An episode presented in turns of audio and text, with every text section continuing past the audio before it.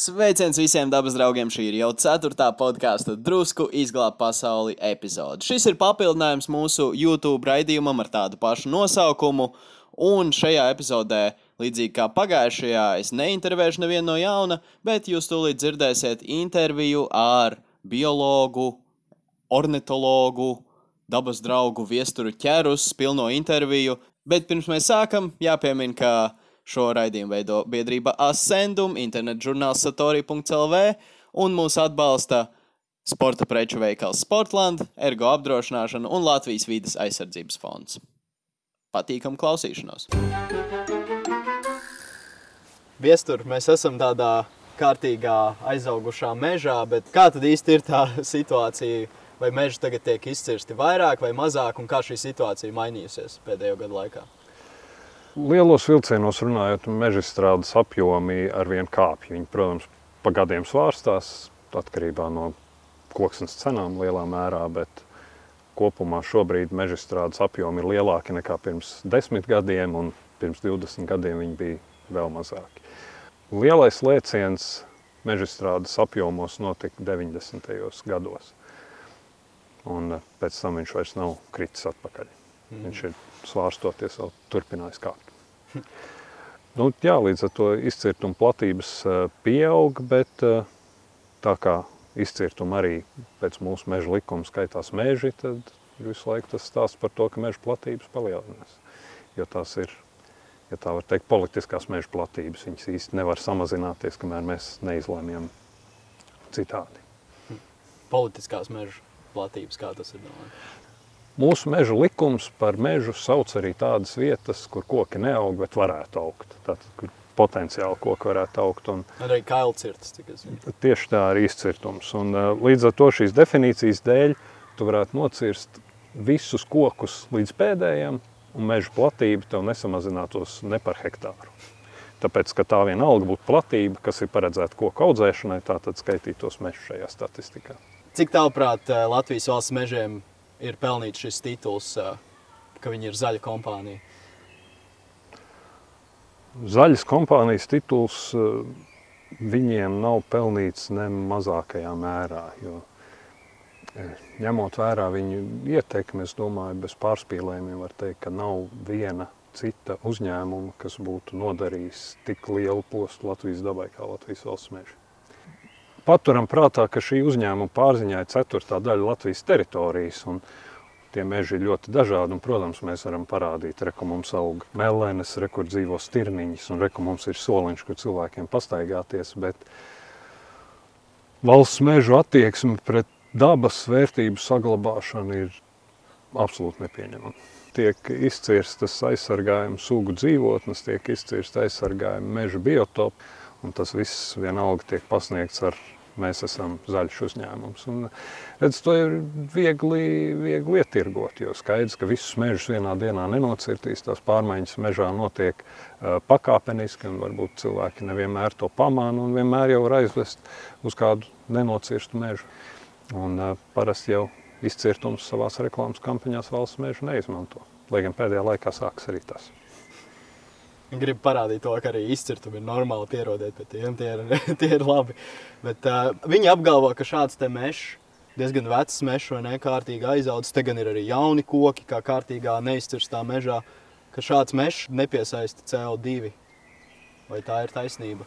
Tā, protams, nav taisnība, ka veci meži nepiesaistīja CO2. Tas ir meža nozars, kokrūpniecības nozars intensīvi uzturēts mīts, jo redz, klimata pārmaiņu jautājums kļūst arvien aktuālāks un aktuālāks. Un to jau var redzēt ilgākā laikā, skatoties uz uh, meža nozars retoriku. Visu laiku tiek atrasti jauni attaisnojumi, kāpēc jādara tā, kā viņi grib darīt. Un, un tad tagad vienkārši klimata pārmaiņas ir viens no iemesliem, ka izrādās, ka ja tu nenocēri koku tajā pareizajā laikā, tad viss mežs aiziet bojā, sapūst, viss CO2 aiziet debesīs. Kam nav nekāda sakara ar zinātnisku pētījumu rezultātiem, piemēram, jo ir daudz pētījumu pasaulē, kas rāda, ka vēl 300 gadu vecumā mežs turpina piesaistīt oglekli, un 300 gadu vecums ir tāds, par ko Latvijas meži nevar atļauties pat sapņot. Pie mums jau 41 vai maksimums 141 gadu vecumā meži jau skaitās pārauguši pēc tās meža strādes terminoloģijas. Tā kā, protams, veci meži turpina piesaistīt oglekli ne tikai kokos, bet arī augsnē, un eh, to visu var ļoti viegli palaist gaisā mežu nocērtot. Kādēļ, tavuprāt, valsts meži tā pretojās? Kādēļ tās mūžīgās nesaskaņas starp uh, dažādām vidas organizācijām un valsts mežiem, kādēļ viņi nevar sadarboties un arī uh, padarīt šos mežus il ilgspējīgus? Nu, redz, tur ir uh, dažādi iemesli.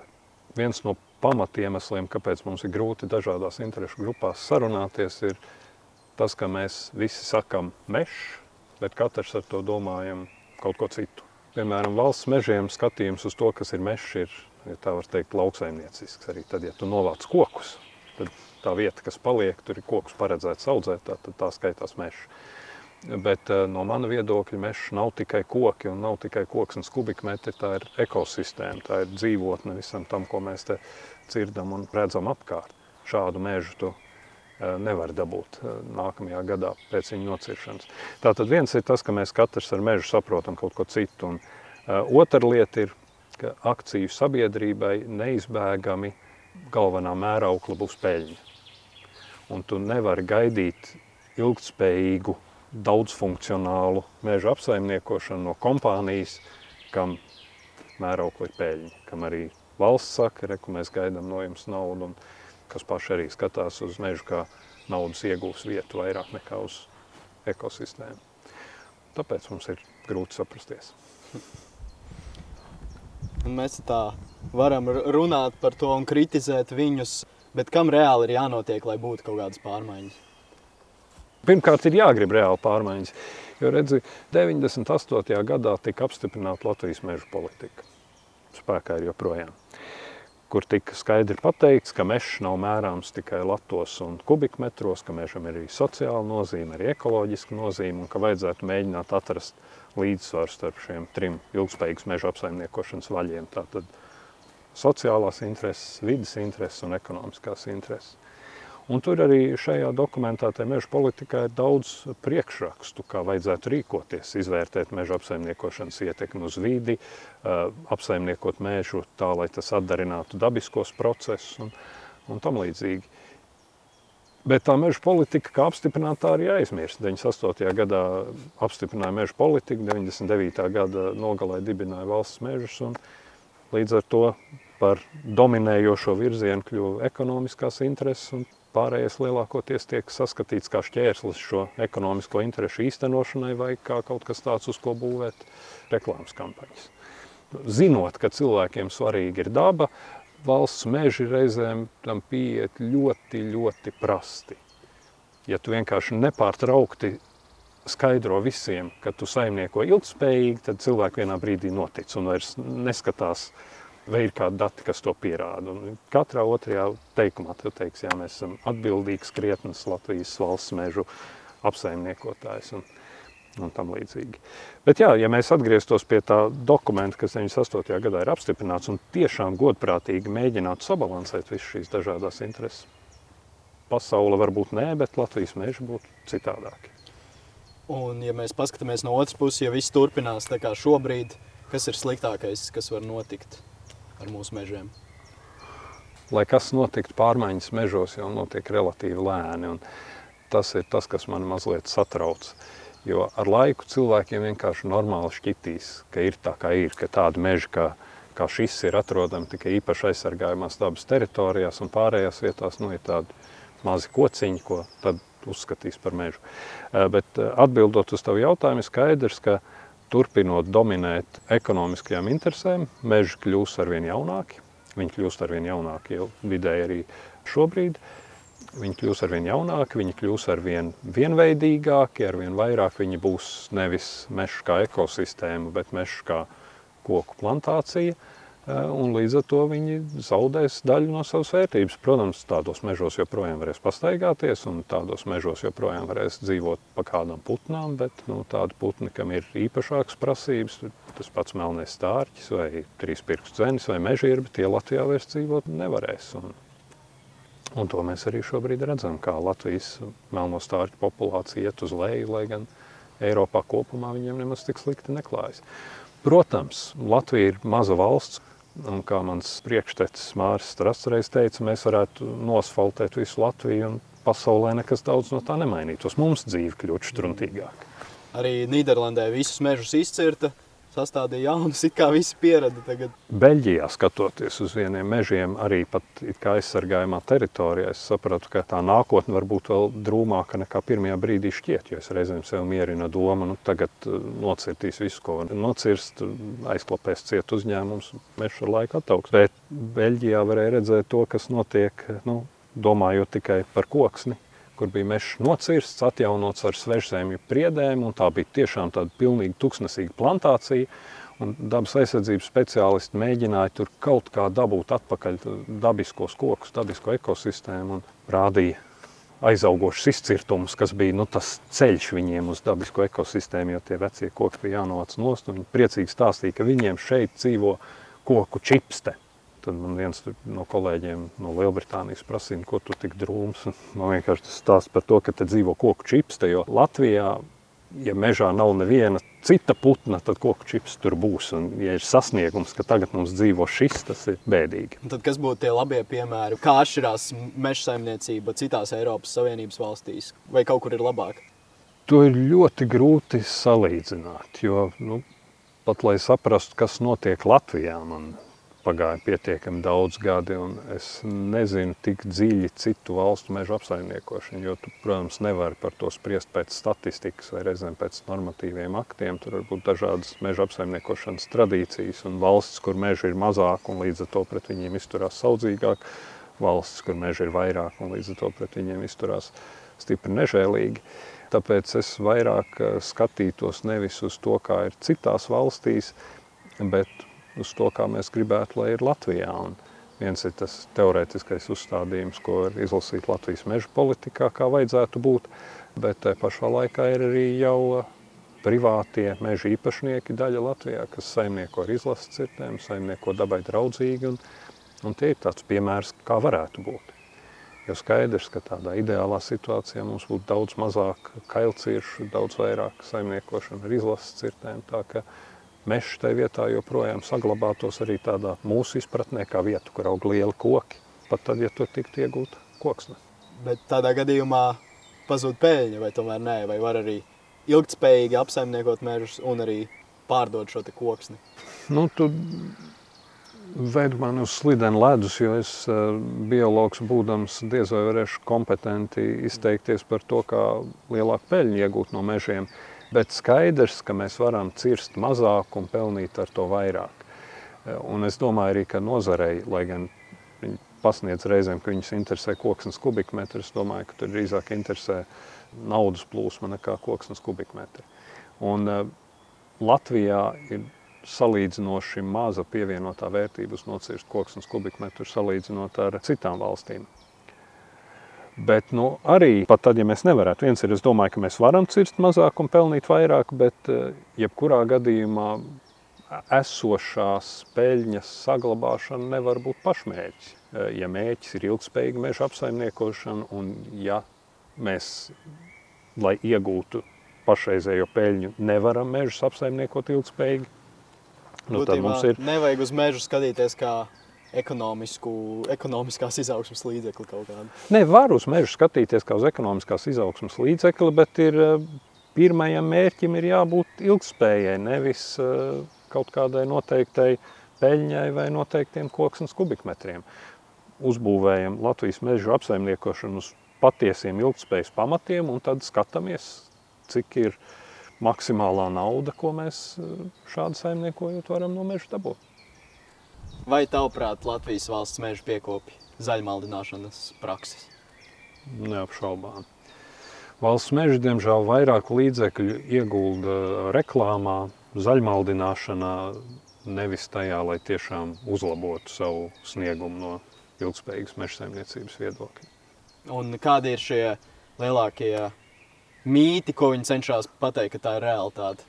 Tas dalījums mītos un realitātē ir viena no tām lietām, kas man reizēm uzdzen pumpas. Tāpēc, ka mīti un realitāte ir tas, kā tu parasti pasniedz visādas reklāmas. Tu negribi, lai cilvēks domā pats, tu viņam pasaki, tas ir mīts un tā ir realitāte.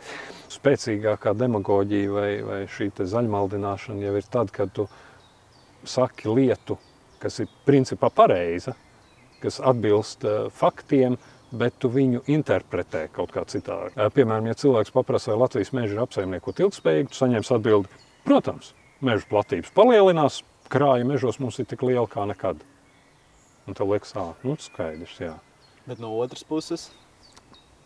No otras puses ir jāpaturprātā tas, ka meža platība un krājas pieaugums ir varbūt tikai divi no kritērijiem, bet tas netūl nav ilgspējīga meža apsaimniekošana. Un, teiksim, tev vai man koksnes kubikmetri mežā neinteresē pilnīgi nemaz. Nu, tu arī te ienāci un tu nesāk domāt, cik te ir kubikmetrus hektāru. Tas, kas interesē cilvēku parasto, es atļaujos minēt, ir vai viņam būs iespējas pastaigāties, viņam būs iespējas sogot, sēņot, tāpēc viņam varētu interesēt, piemēram, vai meleņu mēžu platība ir palielinājusies vai samazinājusies. Es savukārt skatītos uz aizsargājumu sugu dzīvotnēm, populācijām, uz aizsargājumiem biotopiem. Tātad tā atbilde par to, ka meža platības palielinās vai samazinās, tas ir mazs gabaliņš no kopējā stāsta. Tā nav atbilde uz to, vai meža ir apsaimniekot ilgspējīgi. Turklāt meža platība ietver arī izcirtums, un līdz ar to viņai nav grūti palielināties. Redz, tas ir tāpat kā nu, runājot līdzībās, ja premjeras paziņot, ka mēs ietaupījām valstī budžetu, tāpēc, ka mēs atlaidām 200 ierēģus. Tev tas neko neizsaka. Varbūt pārējiem visiem dubultoja algu un mēs esam iztērējuši vairāk budžetu. Mm -hmm. Tā kā šis te platības pieaug, platības ir lielākas nekā ulmaņa laikos, jo, redz, ulmaņa laikos bija tur mazi procenti mežu, un tagad viņi ir divreiz vairāk. Tas ir dažādu iemeslu dēļ. Viens ir dažādu politisku pārmaiņu rezultātā lauksaimniecības zemes vienkārši aizauga, un tāpēc nevar sist pa plecu esošiem meža apsaimniekotājiem par to, ka lauksaimniecības zemes pēc kara aizauga. Un salīdzināties ar ulmaņu laikiem, nu, mums ir svarīgi kā mēs īstenojam mežu apsaimniekošanu šobrīd. Mēs varam atrast, ka Ulmaņa laikos bija mežu mazāk, tur 16. gadsimtā mežu bija vairāk un tā tālāk.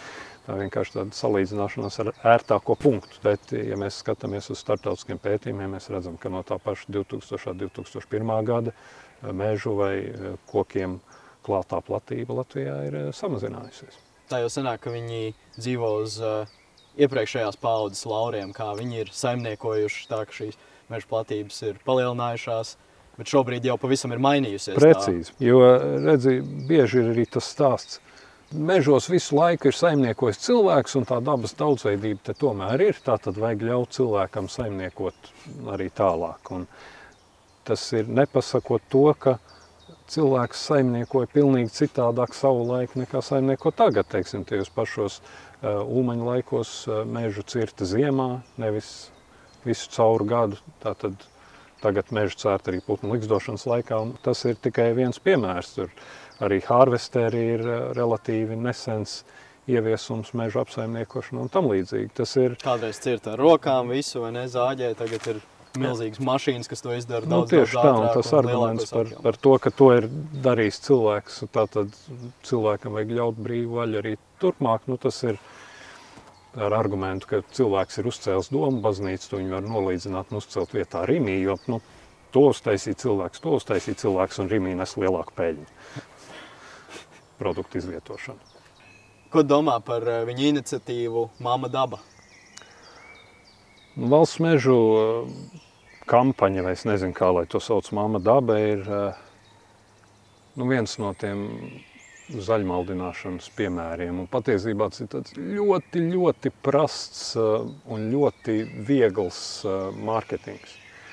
Tāpēc, ka cilvēkiem patīk daba. Un ir bijušas arī Facebook dažādas grupas, kur vienkārši piesaisti uh, sekotājus liekot bildīts ar dabu. ka ir grupa Latvijas daba. Un tāpat arī tā mamma daba. Nu, tur reku mums ir smuka lapsiņa un smukas puķītes aug mežā un rekur sēņotāji. Un, reku, kailcirti ir vispār forši, bet rekur atkal ir melnais stārķis. Un, tādā garā. Jo, bet tā ir viena no šķautnēm tikai valsts meža komunikācijā, jo viņiem ir šī pūkainā daļa, cik viss ir jauki valsts mežos, kā mēs aizmirstam visas savas rūpes un raizes, bet ir arī otra šķautne, ir, ja tā var teikt, sliktais policists. Tie valsts meži, kas eh, zvana uz žurnāla izdevniecībām un lamājās, ja ir nopublicēts nepareizais raksts, tie, kas raksta sūdzības teātra priekšniecībai, tad, ja kādā izrādē ir bijusi dziesmiņa par to, ka nākotnē mēs varētu beigt izcirst mežus.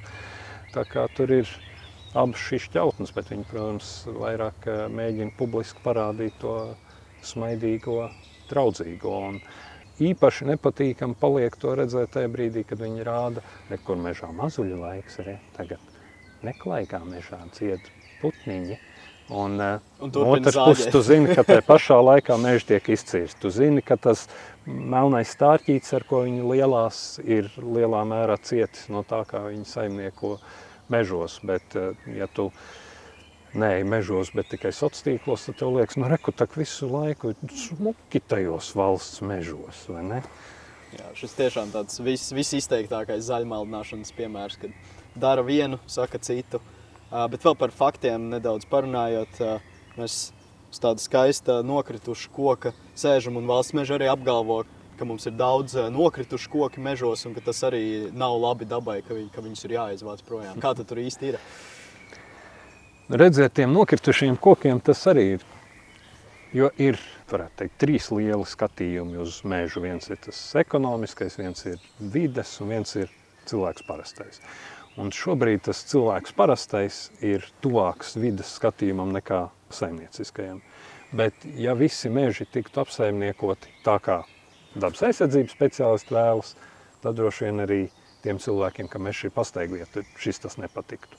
Kailcīts viņiem nepatīk vairāk, bet viena lieta, kas cilvēkam parastiem nepatīk, ir sakrituši beigti koki mežā. Un e, šis ļoti bieži tiek izmantots pat ne tikai valsts mežu kampaņās, tā ir pasaules meža nozars klišeja, ka tur, kur tu aizsargā dabu, tur ir briesmīgi sakrituši beigti koki un, vispār pilnīgi šausmas, tur cilvēks nevar ieiet.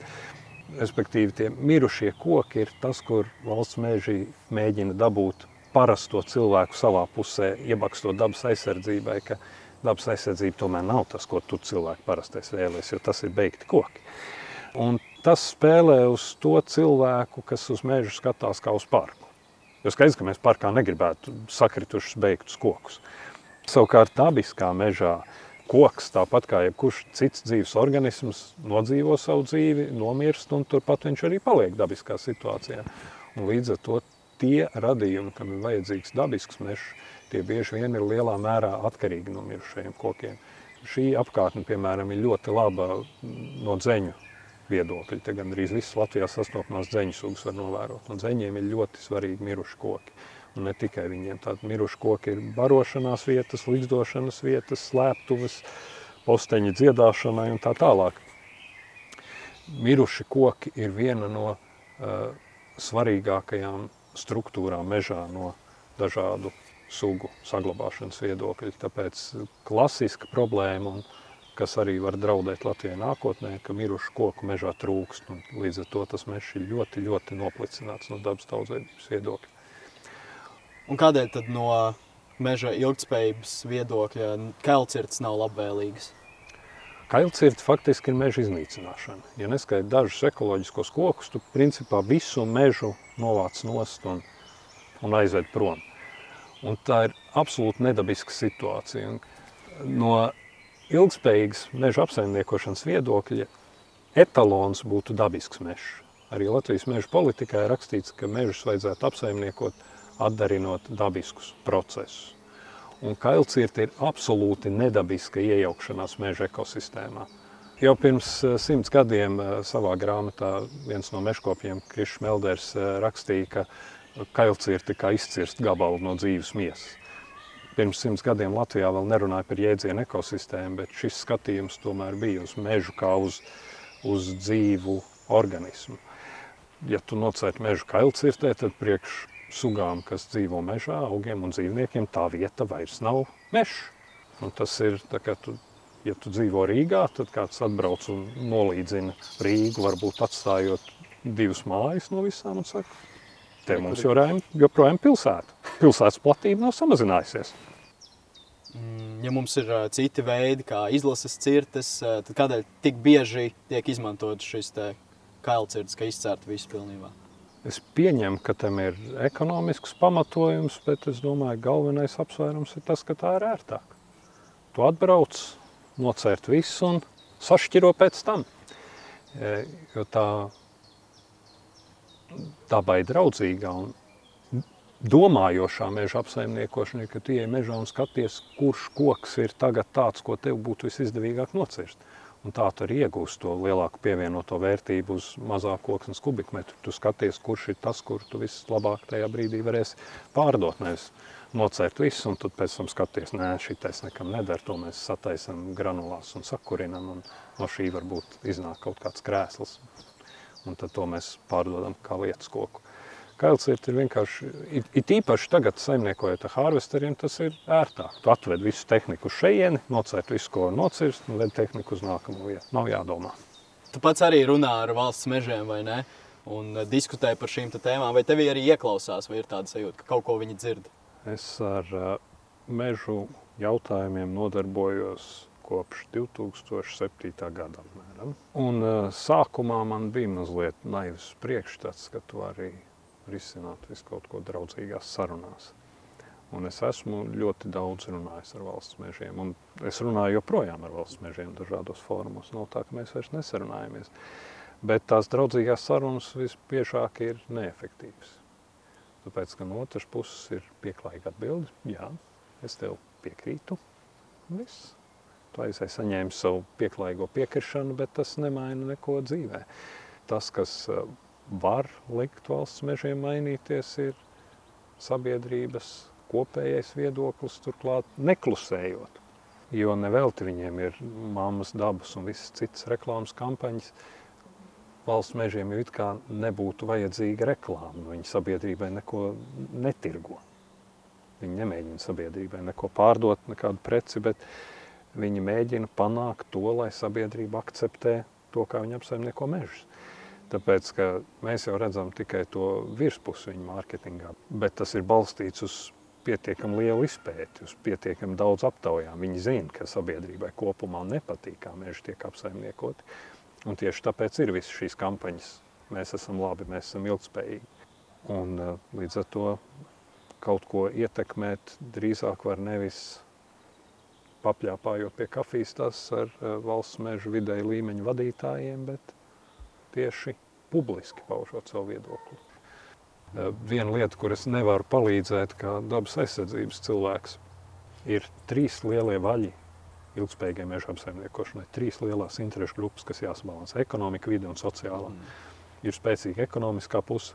Man gribētos teikt, ka vidas organizācija personā ir spēcīga vidas interešu aizstāvji, bet šobrīd Latvijā īsti nav, kas aizstāv to trešo vali un mēs reizēm cenšamies, bet vides intereses nav viens pret vienu tas pats, kas cilvēka parastā intereses meža apsaimniekošanā. Un tas ir tas, kas ļoti pietrūkst. Kādas organizācijas, kas aizstāv cilvēkus, kas negrib, lai pie viņu mājām nocērtu mežus, kas negrib, lai viņu pašvaldībā izcērt visiem zināmās tradicionālās ogošanas vietas un tam līdzīgi. Mums šobrīd Latvijā nav sociālo interešu aizstāvi meža apsaimniekošanā. Bet mēs redzam, ka valsts mežiem šobrīd ir tāds labs mārketings. Viņi sev pasniedz kā zaļu uzņēmumu. Bet ko mēs varam darīt, lai arī ilgspējības faktors un pārējās šīs svarīgās lietas tiktu ņemtas vērā arī sabiedrība tās ņemtu vērā? Stāsts ir jau par to, ka sabiedrība vēlas ilgspējīgu mežu apsaimniekošanu. Un, uh, varbūt valsts meži kļūst par zaļo zīmolu, tad, ja viņiem izdodas iebarot to sajūtu, ka tas ir tas, ko viņi dara. Es gan nezinu to metodiku, kā tiek noteikti zaļākie zīmoli, bet tas, ka valsts meži ir viens no tiem, liecina par to, ka metodika ir acīm redzami nepareiza. Protams, meži ir zaļi, un tad šķiet visiem, jā, ka tas ir valsts meža nopelns. Tad droši vien nešķiro pat, vai šis mežs ir saistīts ar valsts mežiem vai nē. Varbūt, ka zaļākiem zīmolam vajadzētu būt kādai kompānijai, kas nodarbojas ar attīrīšanas iekārtu uzstādīšanu notekūdeņiem. Bet jā, sabiedrība kopumā grib ilgspējīgi apsaimniekotus mežus. Jautājums ir par to, kurai pusē izdodas pārliecināt par to, ka tā šobrīd ir vai tā šobrīd nav. Un kā pārliecināt, ka tā nav? Jāpatur prātā, ka valsts meži ir milzīga kompānija. Tu saproti, ja tev iedod ceturto daļu Latvijas teritorijas, tu nevari nekļūt bagāts. No, es zinu, nauda viņiem ir daudz, un viņi man arī ir piedāvājuši sadarboties. Milzīgs mārketinga budžets, es nezinu kāds, un uz tā fona es teiktu, ka vidas aizsardzības organizācijas ir ļoti, ļoti efektīvas savās sabiedriskajās attiecībās. Uzņēmumi reizēm runā par efektivitāti, domāju, sabiedriskajās attiecībās varētu viņi pamācīties no vidas organizācijām. Bet vienkārši cilvēkiem vajag būt uh, vairāk aktīviem. Gan daudz cilvēku redz, ka meža apsaimniekošana šobrīd nenotiek tā, kā viņai vajadzētu būt. Bet uh, cilvēki nespēja, nespēja sagrupēties, nespēja iestāties par savām interesēm. Varbūt arī baidoties no tā, ka tur ir milzīga kompānija, kas visu zina labāk otrā pusē. Reizēm ir arī cilvēki vērsušies pie manis, cerot, ka es būšu karognesējs arī viņu interesēm. Bet, nu, Es vadu Latvijas ornitoloģijas biedrību, un es nevaru aizstāvēt pilnīgi visus, kurus neapmierina Latvijas meža apsaimniekošana. Kas ir tas, ko es varu darīt, ko skatītāji var darīt? Atkarīgs no tā, vai tev pašam pieder mežs vai nē. Ja tev pašam pieder mežs, tad ļoti labi tu viņu var apsaimniekot dabai draudzīgi. Ja tev pašam nepieder mežs, tad tu vari vienkārši iet mežā, skatīties, kas notiek, izzināt mežu, un, ja tu redz kaut ko, kas tev nepatīk, tad uh, ziņot par to, neklusēt. Visspēcīgākās tavas iespējas ir darīt kaut ko tādu, ja tu iesaisties kādā organizācijā, ka mežu jautājums rūp. Ja tev rūp dabas aizsardzība, tā var būt Latvijas ornitoloģijas biedrība. Ja tev rūp meža apsaimniekošanas tieši sociālajā aspektā, tad tev ir jādibina pašam savu organizāciju, ko arī, protams, var izdarīt. Bet vai jau ir šobrīd tāda? Nē, šobrīd uh, tādas spēcīgas organizācijas, kas aizstāvētu sociālās intereses meža apsaimniekošanā, šobrīd, diemžēl, nav. Un tāpēc cilvēki bieži vēršas ornitoloģijas biedrībā un cer atrast kādu aizsargājumu putnu tajā vietā, kur viņi negrib nocirst mežu. Un tas man liekas absurdi, mums šobrīd Latvijā ir tā, ka nepietiek ar to, ka cilvēks negrib, lai pie viņa mājām tiktu mežs nocirst kailcirtē. Viņš ir sācis dzīvot mežā, un viņš grib arī turpmāk dzīvot mežā, bet ar šo viņa vēlmi nepietiek. Viņam ir jāvērš pie ornitologiem cerībā, ka tur varbūt varēs atrast kādu putnu. Visbiežāk jau tur nav tā īpaši retā putna, kur dēļ to mežu varētu nosargāt. Bet arī tam, ka cilvēkam vajag to mežu, arī tam vajadzētu būt pietiekam. Paldies, tev liels! Man liekas, es sapratu, ka ir uh, lielāka vēl šī zaļmaldināšana nekā man sākumā likās. Un, uh, liekas svarīgi to izstāstīt arī citiem. Paldies, ka tu to dari.